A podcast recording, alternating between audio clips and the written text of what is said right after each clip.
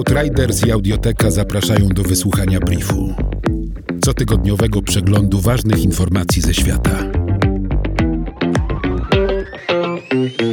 Brief.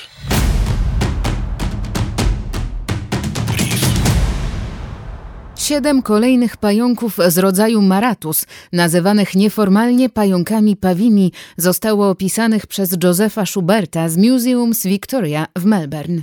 Jeden z nich został nazwany Maratus constellatus, ponieważ przypominał barwieniem obraz Vincenta van Gogha Gwiaździsta noc. Łącznie opisano 85 gatunków pająków pawich. Pająki z rodzaju Maratus są endemiczne w południowej Australii i mierzą od 2 do 6 mm długości. Pięknymi kolorami wyróżniają się samce, które podczas tańca godowego machają odwłokami i odnóżami, aby zachęcić samice do kopulacji. Według naukowców samce delfinów wspólnie wokalizują, dopasowując do siebie tempo wydawania dźwięków, aby zwabić samice do spółkowania. Do tej pory tylko ludzie byli uważani za gatunek, który potrafi ze sobą współpracować w ramach zalotów.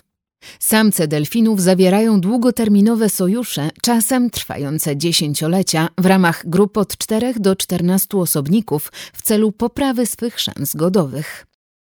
Naukowcy odkryli, że mimika myszy zmienia się wraz z nastrojem, jaki te zwierzęta odczuwają. Uczucia przyjemności, obrzydzenia, bólu, złego samopoczucia, ucieczki i strachu wywołują u gryzoni różne reakcje mięśni pyszczka. Badacze zastosowali uczenie maszynowe w celu rozpoznania emocji na pyszczkach myszy, które różnie reagowały na rozmaite bodźce.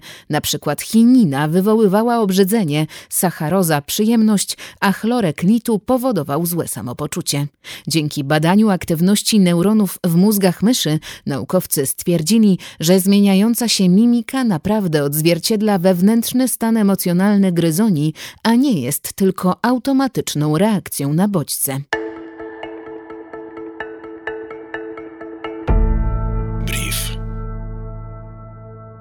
Chińskie społeczności zbudowały system wsparcia i łańcuchy dostaw, aby dostarczać sprzęt potrzebny do walki z pandemią COVID-19 w Stanach Zjednoczonych.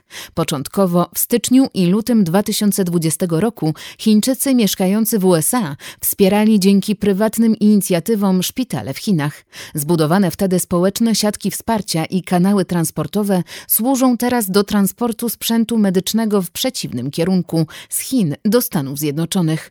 Chińskie Wszystkie organizacje współpracują ze sobą, aby zoptymalizować rezultaty prac produkcyjnych, medycznych i logistycznych.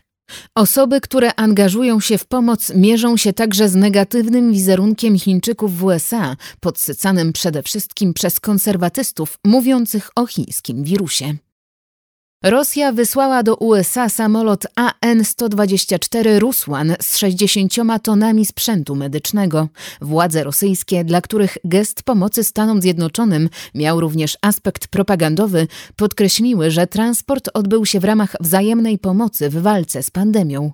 Ministerstwo Obrony Federacji Rosyjskiej wysłało pomoc medyczną do Włoch, natomiast rosyjska opozycja podkreśla, że już teraz brakuje w kraju odpowiedniego sprzętu medycznego, potrzebnego do walki z koronawirusem.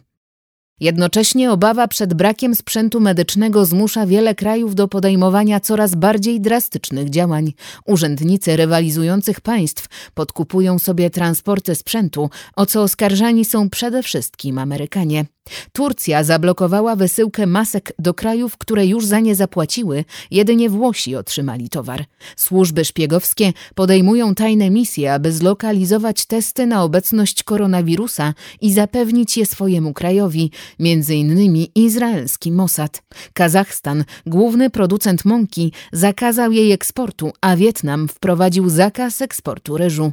Serbia zablokowała eksport leków i słonecznika. Brief Outriders.